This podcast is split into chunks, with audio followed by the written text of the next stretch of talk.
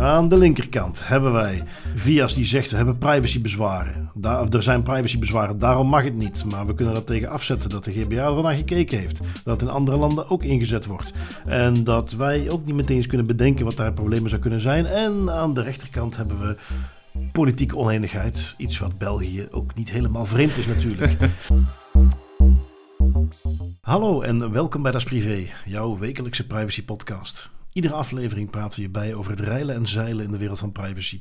Digitale spionage, boetes, datalekken en nieuwe technologie, privacy tools, oftewel alles dat er in een week gebeurt in privacyland. Ik ben Bart van Buitenen en samen met privacy prins Tim van Haren hebben wij het privacy nieuws van deze week gecreëerd en eruit gehaald wat er echt toe doet. Deze week in Das Privé een Chinese rapporteringsplicht voor kwetsbaarheden in software wordt nog eens onder de loep genomen. En niet geheel los van het feit dat uh, nog eens uit onderzoek blijkt dat heel veel communicatieapparatuur, zowel in België als in Nederland, ministeries op gevoelige plekken, allemaal van Chinese makelij is.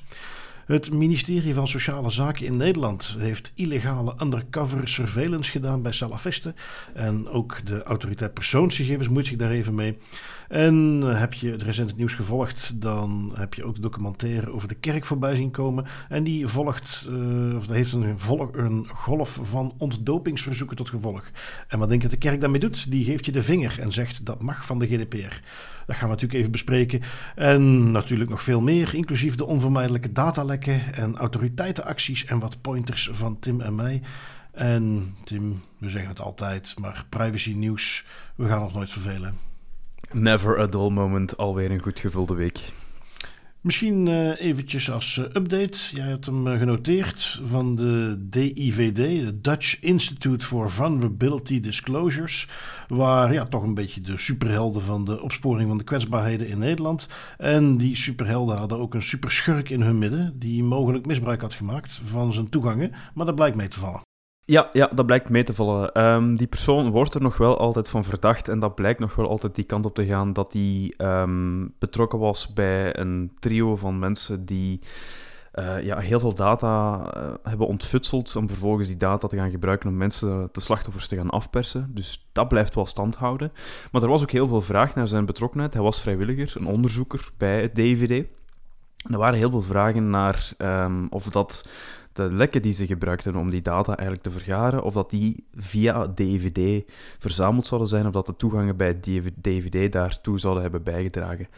Um, het DVD heeft daarvoor niet het minste uh, securitybedrijf Fox IT voor ingeschakeld om eigenlijk forensisch onderzoek uit te voeren om te gaan bepalen of dat die persoon effectief ja, zijn code of conduct als onderzoeker had doorbroken of dat die bepaalde uh, zaken had gedaan die eigenlijk echt niet door de beugel kunnen.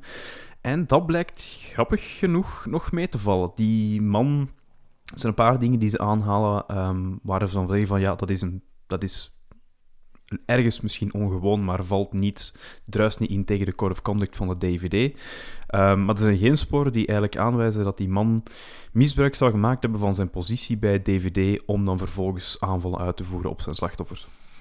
Oké, nou ja, goed nieuws. Want ja, misschien toch nog even voor de volledigheid. Hè. DVD is dus een, een organisatie in Nederland, een, non-profit, die op zoek gaat naar kwetsbaarheden, kwetsbare systemen en mensen daarvan op de hoogte brengt. En dat is relatief klein begonnen. Ik heb ze zo zijdelings, ook omdat ik op LinkedIn wel mensen volg die daar lid van zijn en zo, uh, zien starten. En dat is nu een, een hele serieuze organisatie met ook subsidies en... Uh, ja, die zien dus ontzettend veel potentiële kwetsbaarheden. Dus de zorg dat die onderzoeker daar misbruik van had gemaakt voor zijn uh, superschurkactiviteiten is zeker niet onterecht. Maar goed, blijkt dus mee te vallen. Goed om te horen.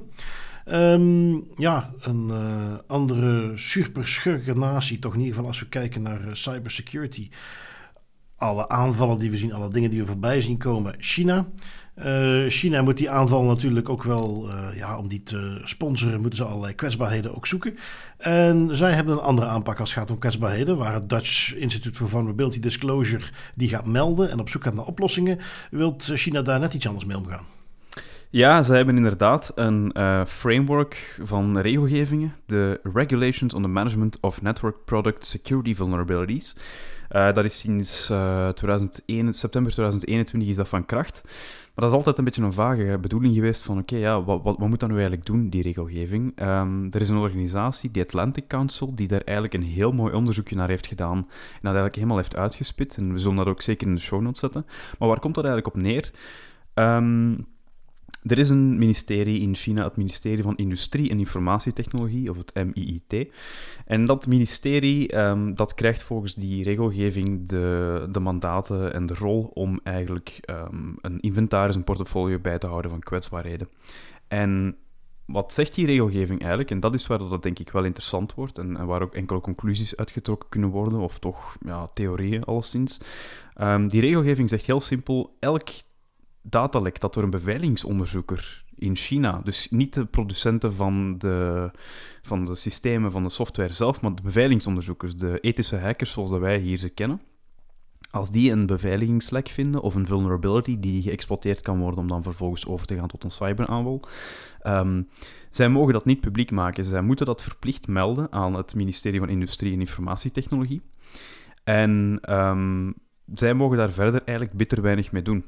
En daar ontstaat de theorie rond dat ja, de Chinese overheid via dat ministerie op die manier eigenlijk een heel portfolio aan uh, beveiligingslekken en vulnerabilities krijgt, dat zij vervolgens kunnen weaponizen of dat zij op een bepaalde manier kan kunnen gebruiken. Want, en dat ze hebben dat heel slim gespeeld, hè, dus ze moeten het verplicht melden. En als zij vervolgens dat ook publiek de wereld in willen uitsturen, en ze willen de rest van de internationale markt bij wijze van spreken um, bewust maken van een bepaalde vulnerability die ze gevonden hebben, ze mogen dat alleen doen als ze tegelijkertijd ook um, een oplossing vinden en die oplossing ook aanbieden aan de internationale markt. Nu, voor de gemiddelde ethische hacker en onderzoeker, dat zijn twee verschillende opgaves. Hè. Iets vinden betekent niet dat je ook meteen uh, weet of op de juiste manier met de oplossing kan komen. Dus zo hebben ze dat eigenlijk slim gespeeld om ervoor te zorgen dat zij een heleboel datalekken of potentiële uh, vulnerabilities eerder in handen krijgen, waar de rest van de wereld geen weet van heeft en ook geen oplossing voor krijgt. Mm. Ja, het is iets waar ze al, al een tijdje mee bezig zijn. Hè? Ik weet nog, uh, historisch had je, je... Heb misschien wel eens gehoord van de Pwn-to-Own competitie?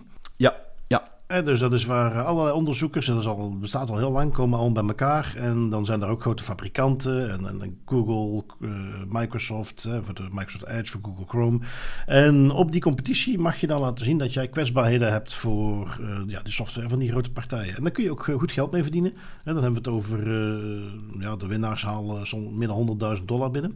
En een tijdje waren Chinese onderzoekers daar ook ineens op aanwezig. En die scoorden heel erg hoog.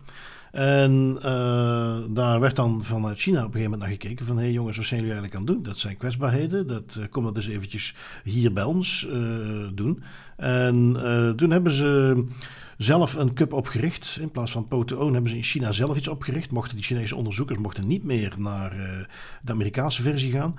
En daar werd al tijdig gesuggereerd dat de daar gevonden kwetsbaarheden toch eerst eventjes gemeld moesten worden aan de geheime diensten ter plekke voordat je daar iets mee mocht doen. Uh, ja, nu zie je dan dit. Uh, pak daarbij nog eventjes, je herinnert je misschien de Log4j kwetsbaarheid. Die werd oorspronkelijk gemeld door Alibaba. Uh, een Chinees bedrijf natuurlijk. En die hebben een heleboel overheidscontracten verloren, omdat ze die kwetsbaarheid niet eerst doorgegeven hebben aan de Chinese diensten. Als je ziet hoeveel die kwetsbaarheid uh, om het lijf had en hoe kwetsbaar heel veel organisaties waren, dan snap je wel dat ze daar even gevloekt hebben bij de Chinese inlichtingendiensten. Dat was een mooi score geweest. En ja, goed, pak dat allemaal bij elkaar. En dat ze dus nu heel erg achter iedereen aan zitten om vulnerabilities zo snel mogelijk door te geven. Dat is redelijk evident dan, hè? Ja, dat is redelijk evident en dat kadert ook, dat is ook de reden dat ik het eigenlijk, dat ik dat eerst wou, toelichten. Um, dat kadert in eigenlijk een ander artikel dat ik ook heb meegenomen. Het kwam in verschillende sites en, en, uh, en kranten in, in, uh, aan bod. Uh, de tijd, Follow the Money, ook Tweakers heeft er iets over toegewijd. Um, het gaat eigenlijk over het uh, Chinese Yearlink, wat dat voice-over-IP telefoons en videoconferentieapparatuur maakt. En dus eigenlijk ja, voor heel veel toch wel grote bedrijven en ook internationale bedrijven um, aan de basis ligt van hoe dat zij communiceren, intern en ook extern met elkaar. en die communicatieapparatuur die wordt na, na onderzoek van Follow the Money blijkbaar ook door heel veel Nederlandse en Belgische bedrijven en instanties gebruikt voor intern overleg, videovergaderingen en dergelijke. Um, Onder andere ook de Algemene Inlichting en Veiligheidsdienst, eh, het Amerikaans ministerie van Binnenlandse Veiligheid. Ja, die waarschuwen al jarenlang voor dreigingen uit China. Ehm, dit is eigenlijk de zoveelste casus die we zien. Vroeger waren het beveiligingscamera's, nu is men meer aan het toespitsen op die interne communicatieapparatuur. En als je dan kijkt naar het type bedrijven dat eigenlijk daar gebruik van maakt op grote schaal, Philips, Heineken, Intratuin, Proximus, Colruyt, eh, ASR Pathé van meer de lokaal, hier Belgische bedrijven, RTL en NRC... Um, dat zijn bedrijven waar China potentieel op een bepaald moment in de tijd interesse in heeft om daar te gaan kijken hoe dat er gecommuniceerd wordt.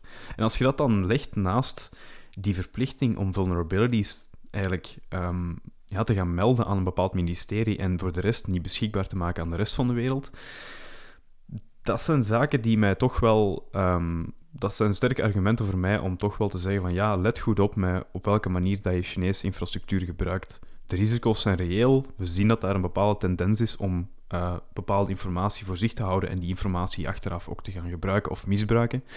En ja, je haalt een beetje eigenlijk de wolf in, het, uh, in de schapenwei zo.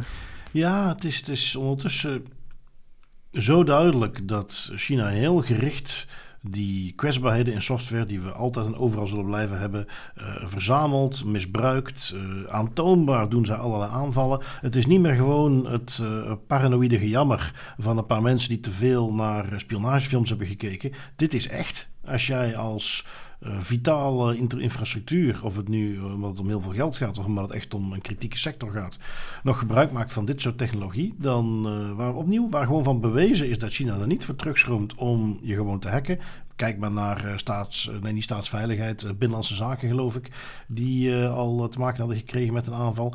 Dus ja, nee, we kunnen alleen maar benadrukken dat de adviezen van, goh, laat Chinese producten maar eventjes links laten liggen in dit soort contexten, dat dat echt niet zomaar uit de lucht gegrepen is en dat dat veel serieuzer genomen zou moeten worden. Ja, absoluut. Um, wat hebben we nog? Um, Tim, als ik zeg Nederlandse gemeente, Nederlandse overheid doen iets illegaals, wat zouden ze dan aan het doen zijn? Um, goh ja, het monitoren van burgers op de zoveelste geheime manier.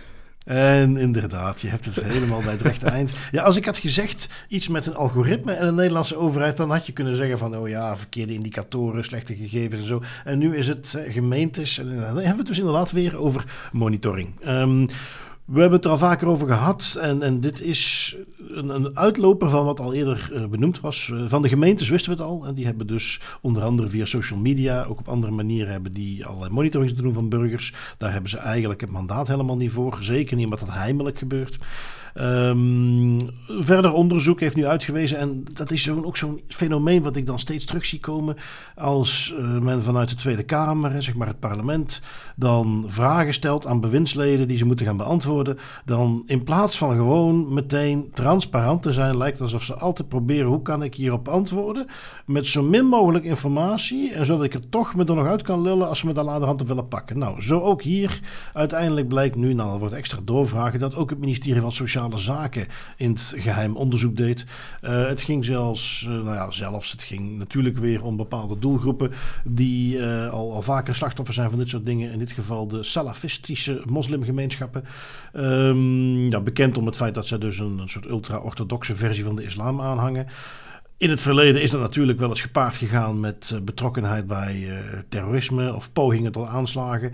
Maar ja, dat is iets anders dan zeggen: oké, dan mogen wij die vanaf nu gewoon, wanneer wij daar zin in hebben, heimelijk gaan in de gaten houden. Um, ja, het ministerie van Sociale Zaken, toch ook niet het eerste ministerie waar ik aan denk als het gaat om onderzoek doen naar terrorisme. Dus dat is ook niet helemaal gepast. En dat is natuurlijk iets wat ook blijkt als men dat dan vervolgens gaat uitzoeken.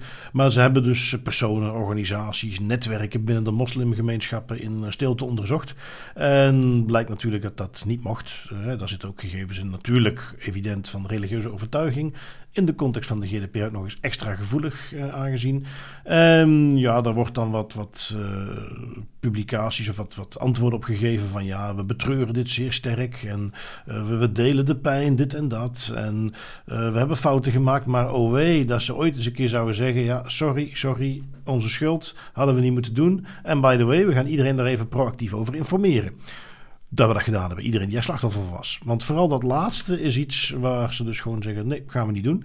Terwijl het toch ondertussen al op veel manieren wordt aangekondigd van oké, dat was sowieso al fout. Nu weten we nog meer wie het uh, fout heeft gedaan. En dan moet je gewoon met de billen bloot. Ook naar die mensen die je dus undercover hebt gevolgd. En dat weigeren ze. Zeker dat laatste aspect van de burgers eigenlijk, de, degenen die betrokken zijn bij zo'n heimelijk onderzoek onterecht. Um, die informeren, dat is ook iets wat dat uh, Aleid Wolfsen, de voorzitter van de autoriteit persoonsgegevens, ook nog meegaf als een reactie op de artikelen die daarover naar buiten zijn gekomen. Dat hij eigenlijk ook zei van ja, kijk, eerst en vooral, dit kon helemaal niet door de beugel. Maar ten tweede, nu dat naar buiten is gekomen en nu dat dit bekend is, um, is het wel noodzakelijk en nuttig dat de betrokkenen die uh, ja, het onderwerp waren van zo'n heimelijk onderzoek, dat die daarvan op de hoogte worden gesteld. Dat die op, ook op hun manier hun rechten kunnen uitoefenen indien ze dat noodzakelijk achten. Want dat is het uiteindelijk. Oké, ja, er is een heimelijk onderzoek gebeurd naar salafisten, maar wie, over wie, uh, wie is daarbij betrokken? Moeten, moeten mensen zich zorgen maken? Um, dat zijn allemaal elementen die belangrijk zijn en die aan de basis liggen van nu ja, de noodzaak om die mensen in te lichten. Ik denk dat dat de enige correcte manier is om dit nog aan te pakken. Ja, ja en dat dan toch uh, weigeren. Nou goed, we zullen wel zien. Wie weet dat dit nog eens een situatie is. Want dat kan in Nederland. Dat de autoriteit persoonsgegevens dat gaat afdwingen. Hè, door dwangsommen op te leggen op het moment dat ze dat niet doen. Iets wat in België niet zou kunnen. In de zin dat er geen financiële sancties opgelegd kunnen worden door de GBA in, aan overheden. Uh, maar dat toch niet, niet uh, onbelangrijk. En ja, als we het dan hebben over uh, entiteiten die de GDPR de vinger geven, dan nemen we de kerk er nog even bij. de kerk, natuurlijk de laatste tijd al veel nieuws. Um, dankzij vanwege, dankzij klinkt alsof het op een leuke manier is, vanwege een documentaire um, God vergeet, als ik me niet vergis dat die heet, die uitgezonden wordt op Canvas. Um, ja, dat ging over misbruik in de kerk. Uh, ja, niet eens zelfs behoefte aan om daarover uit te wijden. Op het moment dat je dat zo zegt, is al duidelijk waar het over gaat. Komen heel veel slachtoffers aan het woord. Uh, schrijnende documentaire, heel veel reacties opgekomen uh, van mensen die dat schrijnend vinden. En die geven dus aan van ja, als we dan toch nog op een of andere manier daar een soort reactie aan kunnen geven, dan gaan we ons laten ontdopen. Um, misschien wat dat betreft eventjes een, een, een heel klein beetje vissen naar jouw religieuze opvattingen. Tim, ben jij gedoopt? Ik ben gedoopt, ja. Ja. Kijk eens aan, want uh, ja, ik kan dit niet uh, gaan uh, proberen, want ik ben niet gedoopt. Ik, ik, herinner me nog als ik dat wel eens vroeg aan mijn vader, die zei, ja, dan moest je zelf maar weten. Als jij dat op je 18 plus nog wilde, dan kon je dat zelf laten doen. Dus wij hebben dat niet laten doen. Anders had ik er ook aangehangen. Ja, ik moet toegeven, Um, de, het dopen bij mij, ik moet zeggen, ik ben ook absoluut geen religieus persoon, ook niet passief. Um, dat dopen stamt eigenlijk nog van een tijdperk waarin je als kind zoiets had van, goh ja, ik wil een communie, ik wil een feest. En dat is iets waar, waar dat je door moet om de grootouders blij te maken, bij wijze van spreken. En veel cadeaus te krijgen. En veel cadeaus te krijgen, dat is de primaire motivator voor alle doopsels en communies achteraf dan. Um, dus ja, ik denk dat het daar een beetje aan de basis lag. Dat was vooral nee, nee, iets om de oude garde nog blij te maken. Ja, ja, nee, nee, voor de duidelijkheid, ik wou niet insinueren, alhoewel het natuurlijk best mag van mij, dat jij tuurlijk, praktiserend tuurlijk, uh, katholiek bent. Ja, ja, absoluut. Er is niks mis mee per se.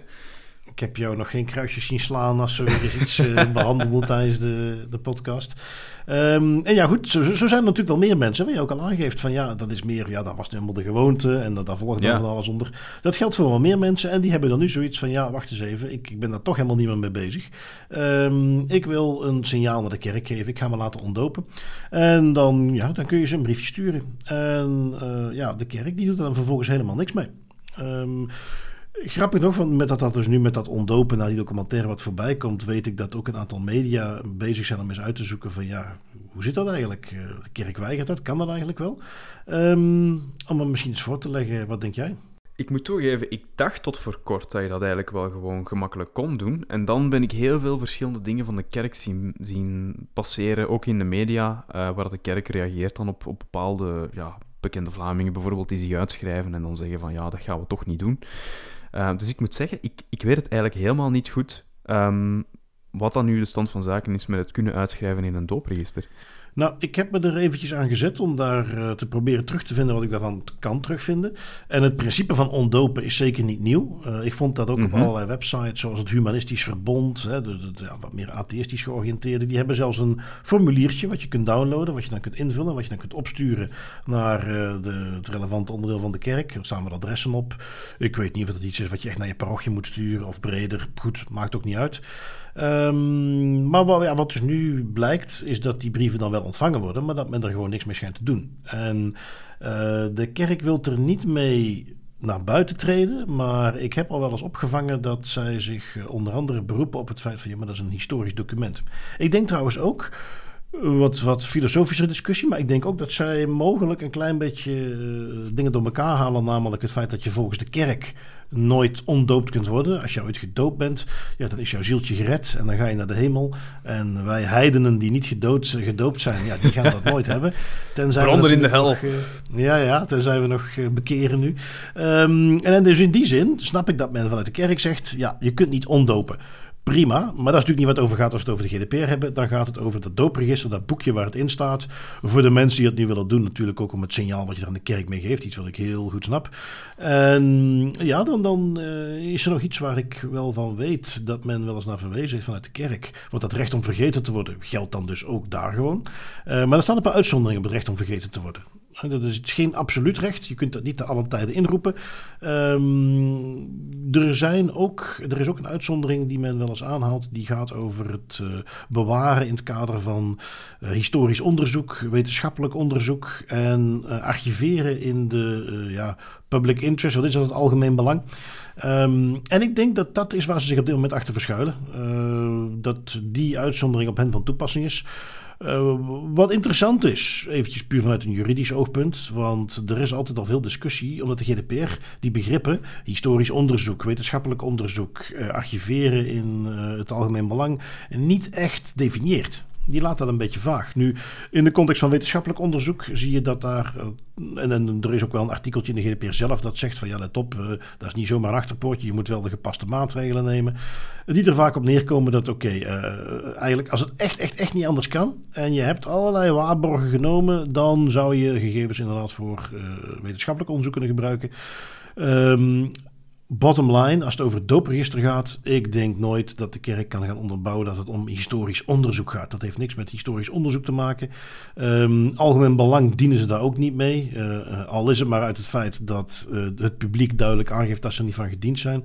En dat het algemeen belang in deze context voorbehouden is een overheidsorganisatie. Je hebt zoiets als het Rijksarchief, waar, uh, als dat nog een heel klein uitstapje in de context van GDPR en bewaartermijnen, sommige organisaties op een gegeven moment wel eens achterkomen dat ze dingen aan het verwijderen zijn om netjes de GDPR te voldoen, maar dat ze ook dingen door moeten sturen naar het Rijksarchief. Um, en dat die het effectief wel mogen bewaren. Dus ja, interessant. Maar ik denk dus dat die uitzonderingen niet van toepassing zijn op wat de kerk doet. En dat zij eigenlijk, uh, en, nu het dus wachten tot iemand daar eens een keer mee naar de GBA stapt. De GBA niet vies van een beetje de publieke opinie uh, bespelen door te zeggen van hé, hey, dit lijkt nogal uh, te leven onder de maatschappij. We gaan dit eens aanpakken. Dus ik zou eigenlijk is iemand die gedoopt is en die zich wilt laten ontdopen aanraden om dat op te sturen naar de kerk. Te wachten op de reactie en om dan een klacht in te dienen. Hint, hint. Um, ik je net zeggen, dat, kijken, is wel enige inspiratie hier. om eens te kijken ik wat er dan cadeaus toch al gehad. Ja, want, want wat dat betreft, wil ik nog even zeggen, Tim. Ik vind dat je je pas echt privacy prins mag noemen als je op zijn minst een keer één zaak tot bij de GBA hebt gebracht. en hopelijk misschien zelfs tot bij het Hof van Justitie van de Europese Unie. Want ik denk eerlijk gezegd, zeker met de verschillende interpretaties die hier mogelijk zijn, ik denk dat als je dat bij de GBA zou leggen, dat de GPA dat wel eens best kan, die vraag kan voorleggen aan het Hof van Justitie.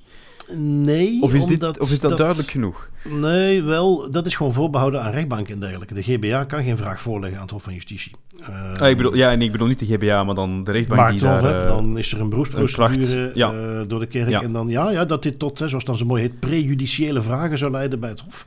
Zou ook interessant zijn, maar dat is wat uit te klaren. Uh, ik denk zelf Wel, dat de GBA ja. hier redelijk makkelijk korte metten mee zou maken. En gewoon zou zeggen, sorry, recht om vergeten te worden is ook op jullie van toepassing. Uh, dat zou het ideaal scenario zijn. En ook als ik het argument van de kerk er even bij neem, hè, van ja, um, we, we, moeten dit bewaren voor... Het is een historisch document. Um, ik denk dat dat argument ook alleen opgaat als je een, een, mandaat hebt of als je in een publiek belang um, ja, uw, uw handelingen toepast. En ik weet gewoon niet of de kerk, zeker vandaag de dag, nog een instantie is waarvan je kan zeggen dat die in, in het publiek belang zo'n mandaat heeft, of, Nee, nee, of nee. zelfs geen officieel mandaat, een, een functie heeft om een historisch en- en- document te bewaren. Ik denk dat niet. Algemeen belang betekent dat er ergens een wet moet zijn die jou dat toewijst. Voilà. Die jou die taak Ja. toewijst en die bestaat niet. En ja, om dan nog een klein beetje GDPR te nerden. eh, wat is eigenlijk de rechtsgrond dat die, dat doopregister überhaupt bestaat? Hè, er zijn in de wet zes redenen waarom ze een eh, vastlegging mag doen. Ehm, wettelijke plicht, ik zie het niet. Algemeen belang, ik zie het niet. Gerechtvaardigd belang, gaat ook niet lukken, want het zijn eh, religieuze gegevens. Het feit dat je in een doopregister staat, dat zegt iets over... Ja, oké, goed. Ik, zeg- voordat ik te ver doordraai, maar je kunt je nog afvragen. Zegt het feit dat ik in het doopregister sta, zegt dat nog iets over mijn religieuze opvattingen? Dus wie weet is het toch niet zo gevoelig. In ieder geval, ik ben heel benieuwd of dat nog ergens opgepikt wordt, of er iemand de klacht indient. Want ik denk dat de kerk inderdaad iedereen die zich wilt laten ontdopen, best mogen meegeven. Ja, maar jouw zieltje is voor eeuwig gered. Dat kan helemaal niet, maar dat ze die toch echt uit het doopregister moeten verwijderen. Ja, ja, dat is toch wel een heel interessante vraag. Ja, ja, ja, ja, precies, precies. Ik Je vind- kunt ik vind het- ik vind het wel een beetje toffe. verliezen.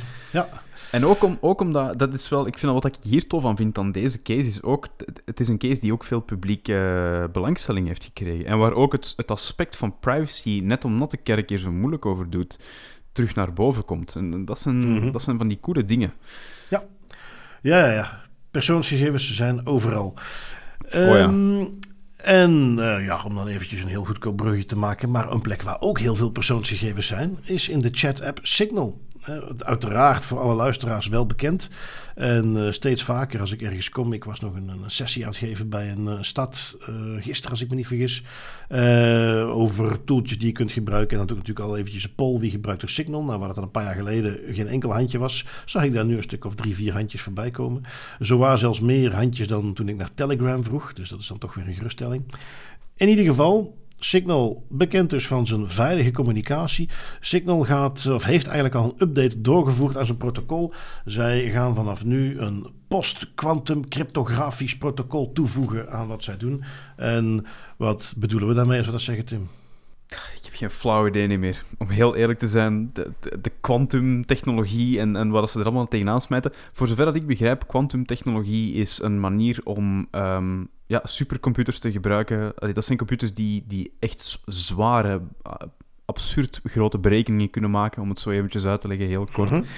En die zouden technisch gezien in staat zijn, ook zeker naar de toekomst toe, om de encryptiestandaarden die wij vandaag de dag gebruiken, en ook de end-to-end encryptiestandaarden die Signal bijvoorbeeld gebruikt, om die in een mum van tijd te kraken. Waar dat dan met de huidige rekenkracht van de huidige computers en ja, zolang dat die, die computerkracht beter blijft worden, niet mogelijk is, en dat die encryptie eigenlijk wel een gevestigde waarde gaat blijven voor de komende tijd, zou quantumcomputers daar eh, ja, wel het een en het ander aan kunnen veranderen. En dus is men op zoek gegaan naar oplossingen om dat, dat quantumcomputeren en dat decrypteren met die supercomputers tegen te gaan.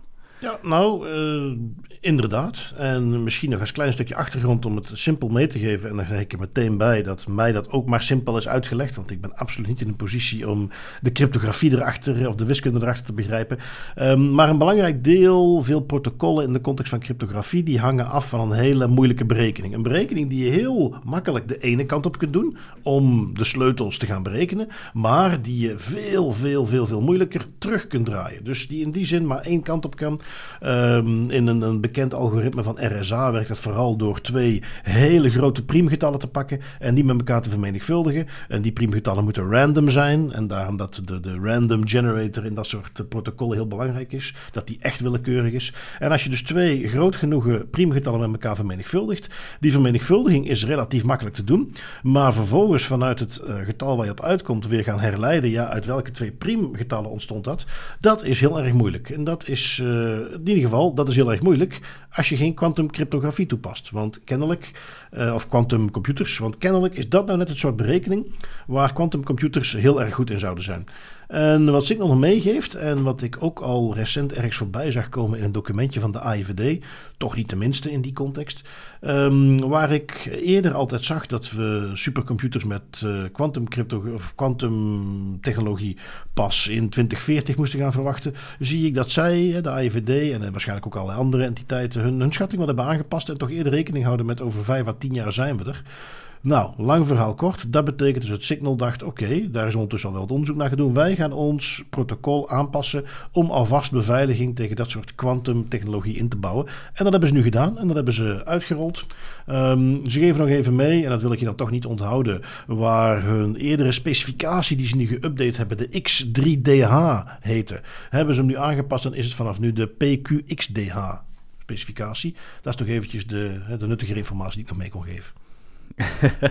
ja, ik vind, dat heel, ik vind dat wel tof dat ze dat doen. Ehm, en ook, oké, ja, eh, quantum computing is, uh, is eigenlijk gewoon, in mijn ogen toch, in mijn beperkte kennis en visie van hoe dat die technologie in elkaar zit, is dat gewoon een, een versneld uh, principe van wat we nu ook al de voorbije 10, 20 jaar hebben gezien met sommige encryptiestandaarden van in de jaren 80 en 90. Um, Waarin men op een bepaald moment, uh, ik denk dat het zelfs in die, die communicatiestandaard voor de nooddiensten en de hulpdiensten was, dat hetzelfde probleem zich voordeed, dat er een, dat een encryptieprotocol gebruikt werd, dat in die tijd al niet echt fantastisch sterk was, maar dat met de huidige rekenkracht, omdat die zo exponentieel blijft stijgen om de zoveel jaar, um, heel gemakkelijk te kraken is. En die quantum computing technologie, die zorgt er gewoon voor dat de, ja, de, de protocollen die wij vandaag gebruiken, in een mum van tijd te kraken valt in een veel kortere tijdsperiode dan dat nodig zou zijn als we de natuurlijke ja, groei van onze rekenkracht met onze computers um, blijven volgen. En dat is interessant om te zien dat dat eigenlijk wel een uitdaging biedt voor die uh, diensten die gebruik maken van encryptie en waar dat een core is van hun dienst. En goed, eh, Signal loopt daar dus weer mee voorop. Uh, het Signal-protocol voor de encryptie die ze toepassen is iets wat dus heel wijd verspreid wordt gebruikt, om maar de meest voorkomende WhatsApp uh, gemaakt ook. Dus wellicht dat dat ook weer doorgepusht wordt. En voor duidelijkheid, iedereen die de Signal-app gebruikt en die die recent geüpdate heeft, die heeft deze aanpassingen dus al in zijn app zitten. Um, wat hebben we nog? Uh, eigenlijk hadden we die net wel mee kunnen nemen, want het lijkt weer meer van hetzelfde als ik het zo zie. Uh, artikels van NRC waar jij hebt meegenomen en die hebben iets gepubliceerd.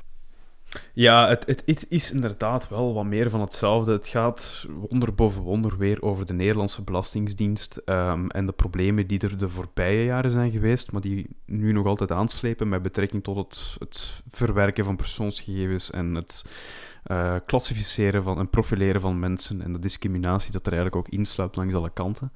Het NRC heeft daar nog eens een uh, artikel over gewijd, specifiek over het risicoanalysemodel of het RAM. Dat eigenlijk, uh, ja, je kunt dat een beetje vergelijken met een groot data warehouse, zoals ze het ook zelf noemen, waarin een heleboel informatie van verschillende bronnen, waaronder ook social media nu blijkt, terechtkomt. En waar de Belastingdienst gebruik van maakte om ja, eigenlijk conclusies te trekken over individuen. Om te profileren, om uh, mensen te bestempelen als fraudeur. Um, wat tot een heleboel gevolgen en problemen heeft geleid. Dat weten we nu vandaag de dag. Waar ik, waarom ik het vooral wel heb meegenomen, en dat is het interessante aspect erin. Uh, het NRC heeft um, de DPIA in handen gekregen over het RAM, over dat risicoanalysemodel. En die DPIA is één groot teken aan de wand in mijn ogen. Um, dat is een DPIA die dateert van 2017, toen dat, dat ook al gebruikt werd. En ja, als je dat leest, uh, ik raad het zeker iedereen aan. We hebben ik heb de link ook in de show notes gezet. Waar het op neerkomt is dat die DPIA vol staat met voorwaarden. Um, het, is, een heel diplomatisch opgestelde DPIA. Ik vind dat eigenlijk wel grappig om te zien. Dus ik vermoed ook dat die intern is opgesteld. Um, en wat dat er eigenlijk als centrale boodschap uitkomt, is er gebeuren een aantal dingen helemaal niet goed. Er zit te veel data in. Um, wij kunnen op geen enkele manier voldoen aan onze basisprincipes, zeker rond doeleinden en transparantie, uh, doelbinding en transparantie. Um, want er steekt van alles in, mensen blijven er maar van alles in steken, we hebben geen controle, er gebeurt zelden of weinig logging. Het, is, het is een zootje, maar we gaan wel positief adviseren om deze tool te blijven gebruiken, want er zijn op de planning een aantal voorwaarden die ervoor zullen zorgen dat dit, uh, deze tool op een betere manier gebruikt gaan worden. En dan spreekt men van logging en dan spreekt men van het beperkt delen van toegang tot, de, tot die tool. Dingen die achteraf ook niet in orde bleken te zijn. Um, zelfs anno 2020, 2018 um, bleken, die, ja, bleken nog altijd geen logging te zijn of weinig logging. Bleken er nog altijd een vrije export te zijn buitenproportioneel hoeveelheid belastingsdienstmedewerkers die toegang hadden tot die tool. Dus om nog even mee te geven wat er in de PIA staat, ergens is dat heel mooi om te zien natuurlijk, maar ehm, je moet dat dan vervolgens ook gaan opvolgen. En dat is hier duidelijk niet gebeurd. En dat vind ik bijzonder jammer, want dat heeft tot heel veel nadelige gevolgen geleid voor een toch wel groot deel van de Nederlandse bevolking. Ja, en, en wat ik vooral opvallend vond, is als je die DPIA gaat lezen, dat de eindconclusie is van, nou ja, we hebben nu voldoende maatregelen genomen, het is nu wel ongeveer oké, het is nu wel acceptabel. En als je dan ziet wat er naar de hand naar buiten is gekomen, ja, kan ik alleen maar denken dat, dat die conclusie beschreven is op het idee dat die maatregelen die beschreven zijn, dat die dus ook allemaal doorgevoerd zouden worden, wat helemaal niet gebeurd is. Exact. En dat ze daarom zeiden van het is wel acceptabel. Ik, um, ja, je, je, bedoel, ik ken de context niet, ik weet niet wie dat heeft moeten schrijven, maar daar zal de DPO toch wel bij betrokken zijn. Wiens mening ik in de DPA overigens niet terug zie komen. Wat eigenlijk wel zou moeten. Uh, want dan mis ik daar nu toch eventjes het keiharde advies in van... oh, en by the way, tot al die maatregelen zijn doorgevoerd... moet dit systeem acuut dichtgezet worden. Exact, dat is exact wat ik mis ook. Um, en, en daarom dat ik het ook zeg dat, ik, dat het is een DPA die heel diplomatisch geschreven is. Die wel met de vinger wijst, maar dan vervolgens ook sust en verzachtend werkt en zegt van ja, maar geen zorgen, we gaan het nog wel kunnen blijven gebruiken. Um, en dat verraadt voor mij ook wel al een klein beetje de, de cultuur die daar, die daar heerst. Um, want het is een tool die ja, bomvol met gaten zit, die uh, op geen enkele manier in mijn ogen verantwoord gebruikt kan worden, zeker in de context van iets zoals de GDPR-wetgeving. Dat, uh, dat is te organisch en te hard gegroeid tot op een punt dat het onhoudbaar wordt. Um, dat allemaal terug gaan schroeven, dat, dat zou een, een monsterproject zijn geweest.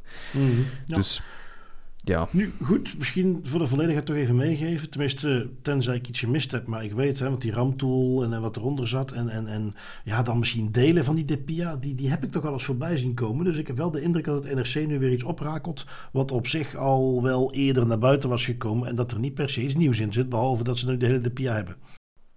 Uh, klopt, dat is ook wat ik ervan heb meegekregen. Er zijn een aantal nieuwe stukjes elementen of informatie, niet per se nieuw in de zin van dit wisten we nog niet, maar vooral dit kunnen we nu ook officieel bevestigen met de informatie die in de DPIA staat. En een van de belangrijkste elementen is daarin dat naast de fiscale gegevens en, onder, en soms ook strafrechtelijke gegevens, um, maakte de Belastingdienst ook gebruik van social media om uh, die, dat RAM, die RAM-tool, dat risicoanalysemodel, om dat eigenlijk te voeden en op basis daarvan conclusies te trekken. Dus ja, de Belastingdienst had wel een redelijk actieve um, presence in, op de social media kanalen en monitorde ook effectief burgers om dan vervolgens die informatie te gebruiken. Wat dat we allemaal ergens wel al wisten en al gesuggereerd werd in verschillende beleidsdocumenten, maar nu in de DPIA ook effectief zwart op wit staat. Oké, nou goed, uh, niks mis mee. En uh, fijn dat ze het in ieder geval boven water hebben gekregen. Um, ander onderwerpje, we gaan even naar het, uh, het Verkeersinstituut, VIAS. Die behaalt, want er is een van hun projectjes, dat is, gaat niet door. wat is dat projectje? zij hadden een proefproject gedaan met de GSM-flitscamera's. Dus camera's die in staat zijn om ja, te kunnen zien of jij een gsm vasthoudt of niet. En uh, zij behaalden ervan, want die gaan niet ingezet worden. Het proefprojectje is afgesloten en men heeft volgens het artikel in Data News, onder andere vanwege privacy issues, besloten dat ze die camera's niet in mogen zetten. En zal ik je wat vertellen, Tim? Ja. Ik, uh, ik vind dat ze gelijk hebben. Ik vind dat ze die camera's okay best in hadden mogen zetten. Um, voor de duidelijkheid, niet er eventjes uh, 500 rondplempen in het hele land en dan vervolgens uh, proberen zoveel mogelijk mensen te pakken te krijgen.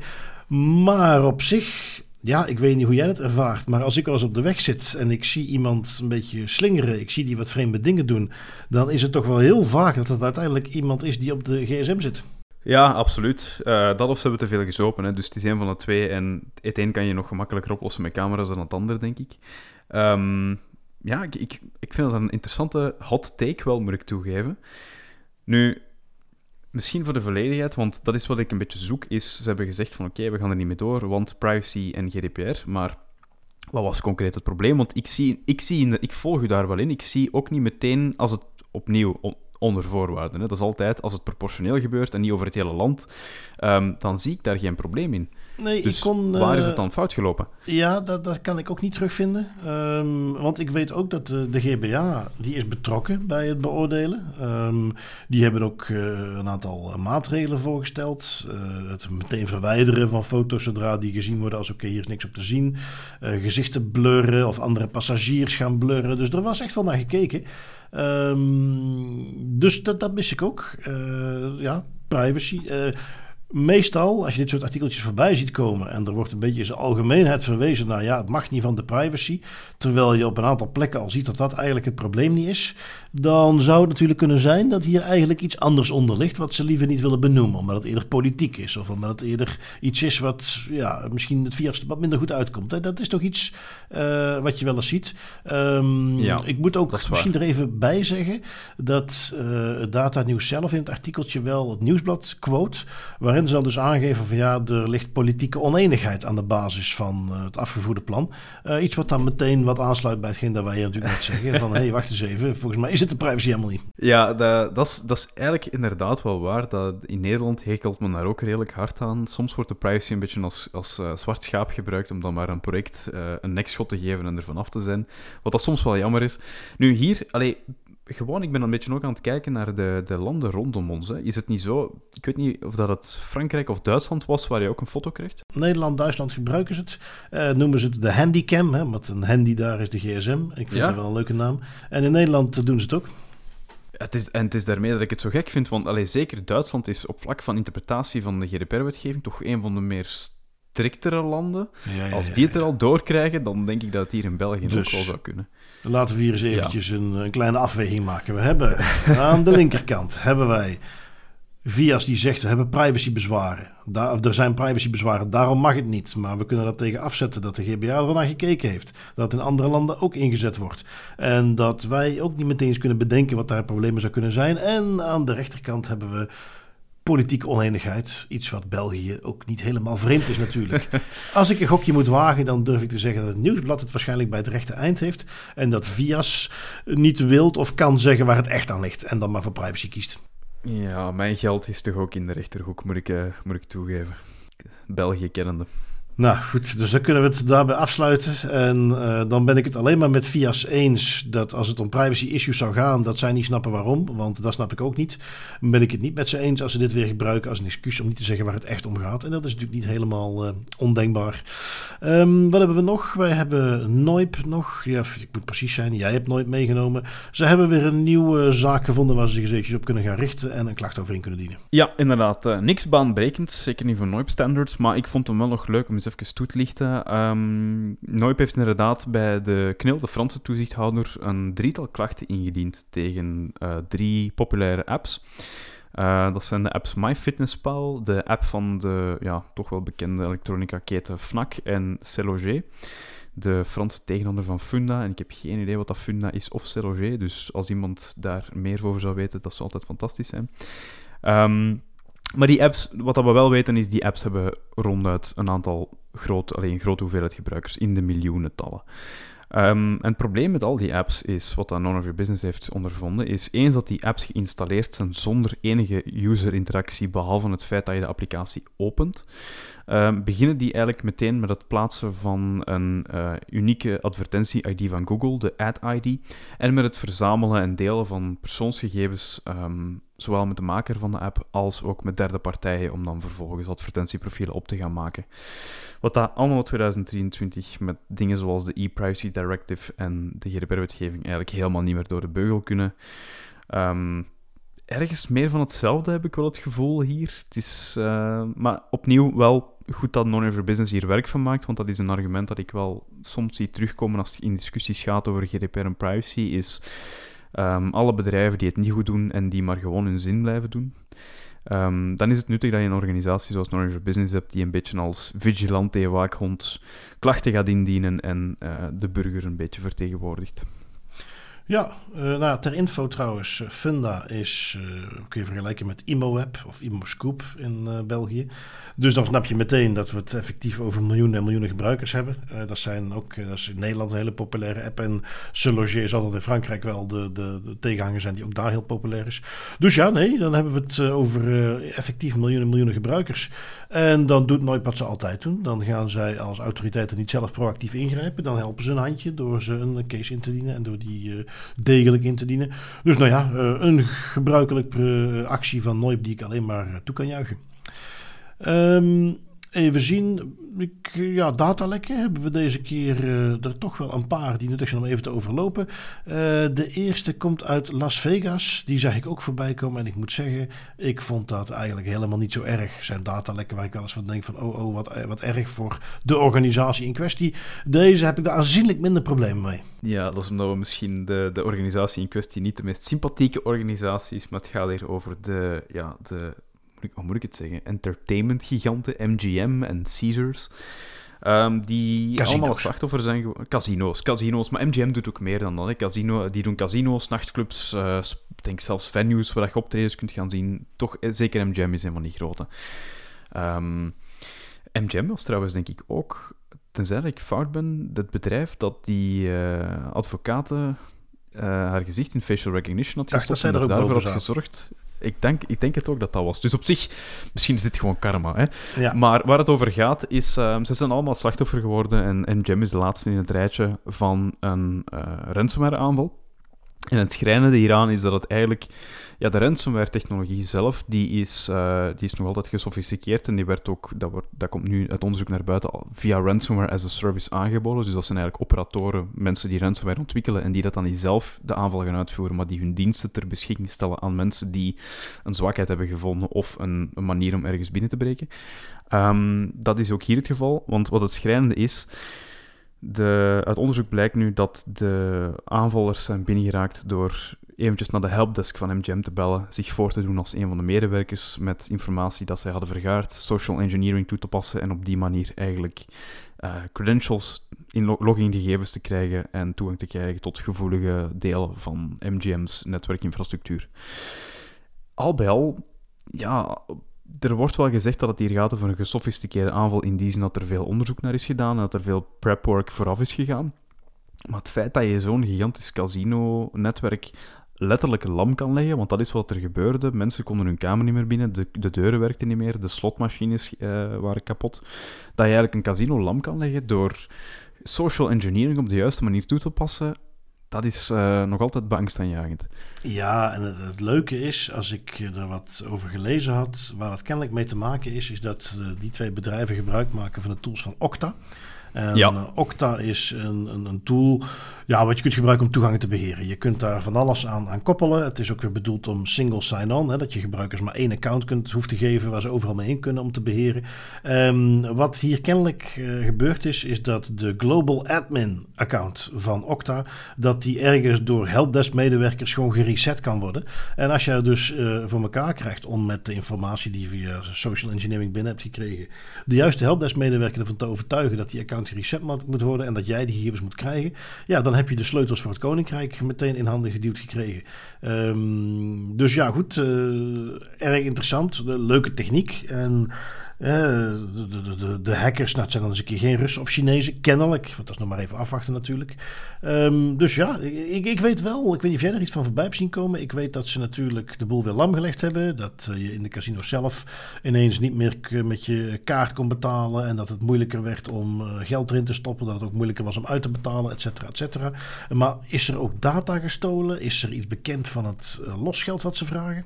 Dat is um, helemaal niet duidelijk. Nu, dat gezegd zijnde, in dat rijtje van aanvallen, Caesars was denk ik een maand of, of een paar maanden geleden, die hebben ook effectief betaald. MGM heeft na tien dagen, um, zijn die terug, zijn die nu eindelijk dingen aan het restoren. Nu, als je kijkt naar hoe lang het duurt voor een gemiddeld bedrijf om back-up and running te zijn na een ransomware-aanval, zeker een ransomware-aanval die zo'n desastreuze gevolgen heeft en die zoveel systemen lam legt, puur een hypothetische mening van mij, maar ik denk dat ook MGM betaald heeft. Van datalekken mm zelf of van data die naar buiten is gegaan, is er niet echt iets bekend. Ook de ransomware-operatoren zelf hebben er nog niets bekend over gemaakt. Um, Maar dat kan ook, aan de, dat kan ook de reden zijn ehm, dat er Mhm. gewoon betaald is en dat het daarom vervolgens niet gepubliceerd wordt. Nou ja, goed, eh, we zullen zien. eh, time will tell. Ehm, in dezelfde reeks van organisaties die het slachtoffer zijn van een aanval, hebben we nu ook het strafhof in Den Haag. Eh, toch niet de minste partij. Het internationaal strafhof is een, een, een permanent hof. Dat is opgericht voor het vervolgen van personen die verdacht worden van dingen zoals genocide, misdaden tegen de menselijkheid, oorlogsmisdaden. Ehm, en die zijn gehackt. Ehm, de NOS, waar ik het artikeltje vandaan heb, die eh, zeggen dat strafhof niet wil bevestigen. Ehm, maar dat ze dus vanuit een bron al hebben vernomen dat er toch echt wel eh, gehackt zijn. En dat er zelfs allerlei gevoelige documenten zijn vrijgegeven. Dat ze nog niet weten eh, wie het is. Ehm, ja, wie zou dat nou kunnen zijn, Tim? Hmm, als ik kijk naar het huidige politiek klimaat in Europa Ja, en omringende landen, Rusland. Ja, wel- welk land inderdaad staat nu bekend om het feit dat ze een hele straffe cyberafdeling hebben om aanval te doen. En die tegelijkertijd, heden ten dagen, zich misschien druk moet maken. Zeker, zeker meneer Poetin, voor wie recent ook al een arrestatiebevel is uitgevaardigd door het internationaal strafhof. Eh, een land wat dus in die context ook nog eens bezig is met een oorlogje.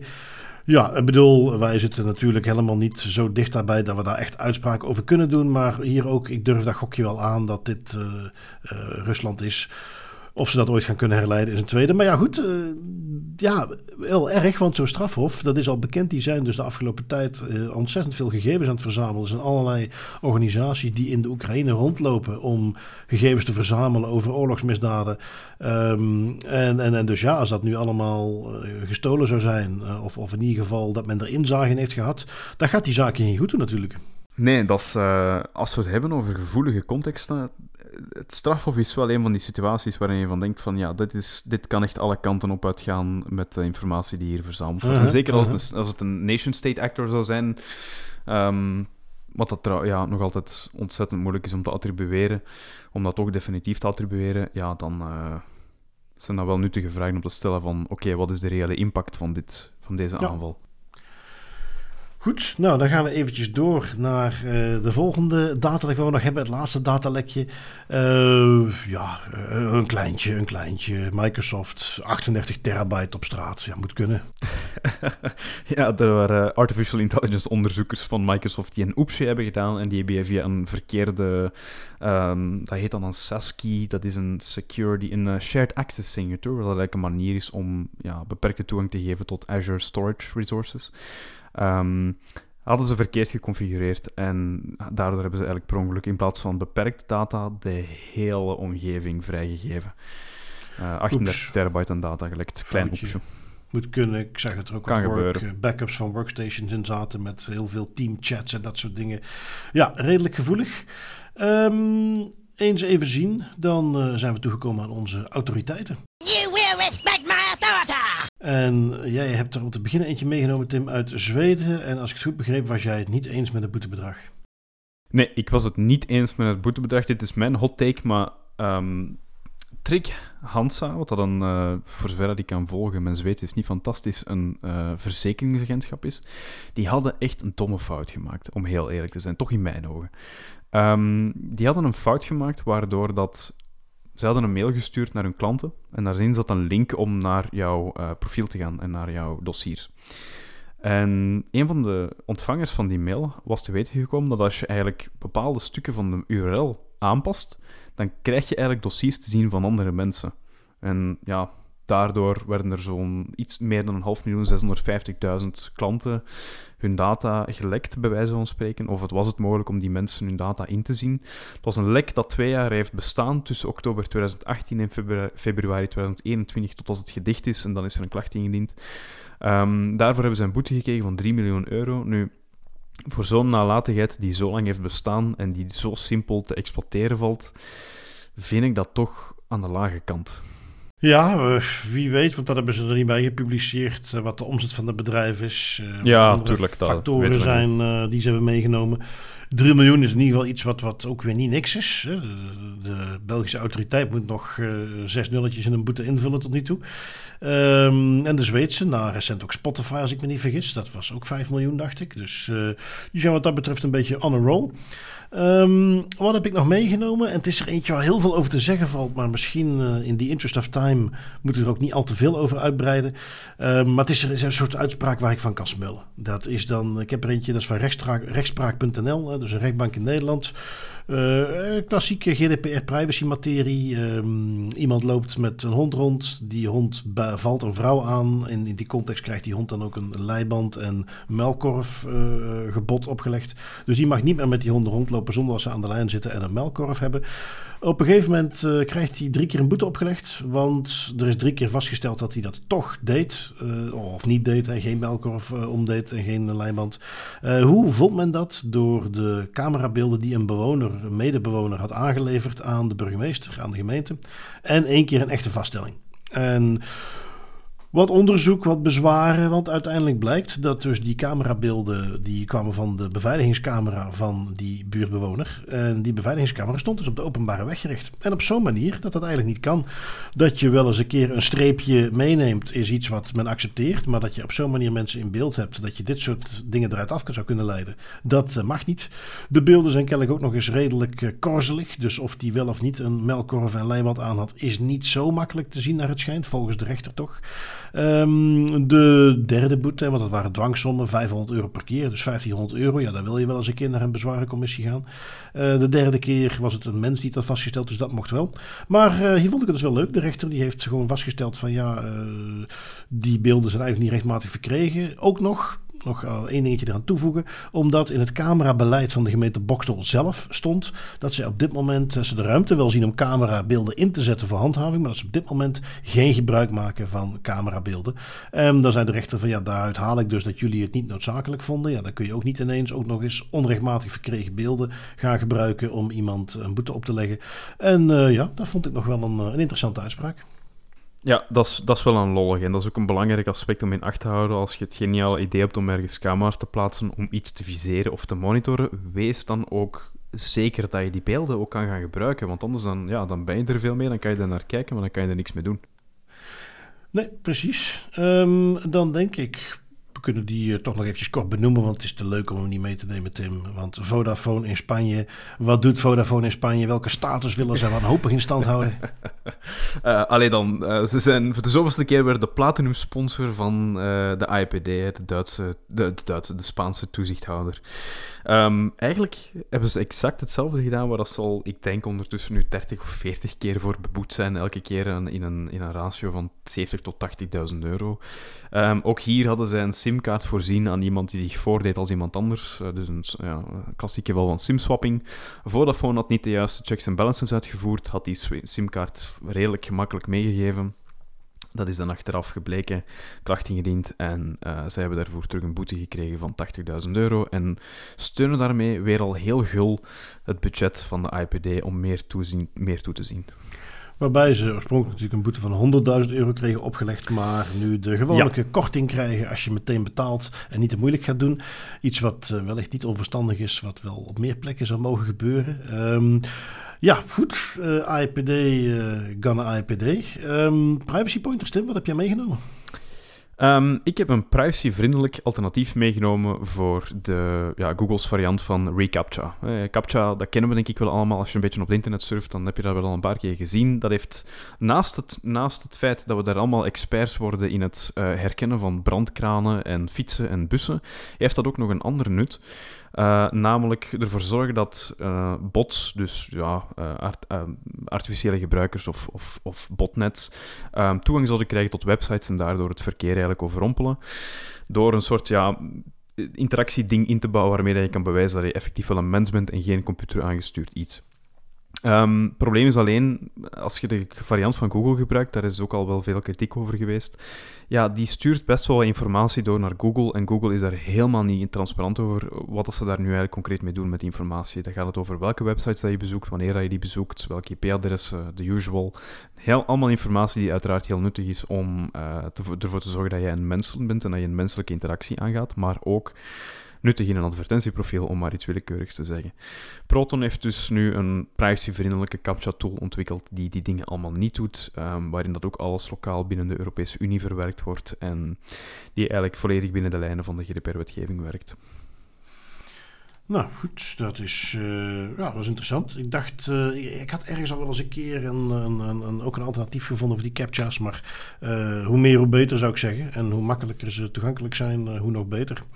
Um, qua pointer van mijn kant. Ik speel een beetje vals, maar ook weer niet. Want ik heb geen cool tooltje wat ik kan meegeven. Ik heb wel gewoon een paar bronnen van informatie die ik gewoon leuk vond, die ik was tegengekomen. Um, maar omdat het allemaal een beetje half-half is, dacht ik, nou samen maakt het één goede pointer. Ik heb namelijk de, de uh, link naar het YouTube-kanaal van Jim Browning. Jim Browning is bekend voor het feit dat die, uh, die centra in India die mensen opbellen hè, om te zeggen dat ze van de Microsoft Helpdesk zijn en geld aftroggelen ja. en zo, dat hij die scamt. Um, hij hackt hun systemen, hij kijkt mee met hun camerabeelden, hij gaat ze opbellen. Nou, al die capriolen legt hij vast in video's die hij publiceert. Vind ik gewoon leuk om maar te kijken. Um, eentje die ik meenam, omdat het best een hele. Het is natuurlijk gesimplifieerd, maar eigenlijk goed genoeg om de basis te begrijpen.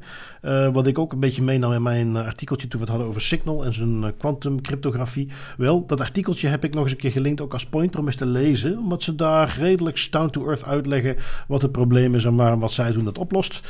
En tenslotte, om dan toch een beetje in de quantum context te zitten, de, uh, het NCSC in Nederland, het National Cybersecurity Center, heeft recent een publicatie gedaan. Maak je organisatie kwantumveilig. En dus als je in een context zit waarin dat nuttig kan zijn, link ik die ook even. Want dat is gewoon mm -hmm. uh, interessante materie.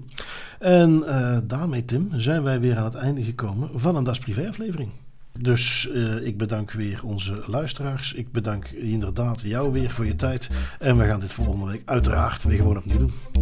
Uiteraard. Kijk er al naar uit. Tot volgende week.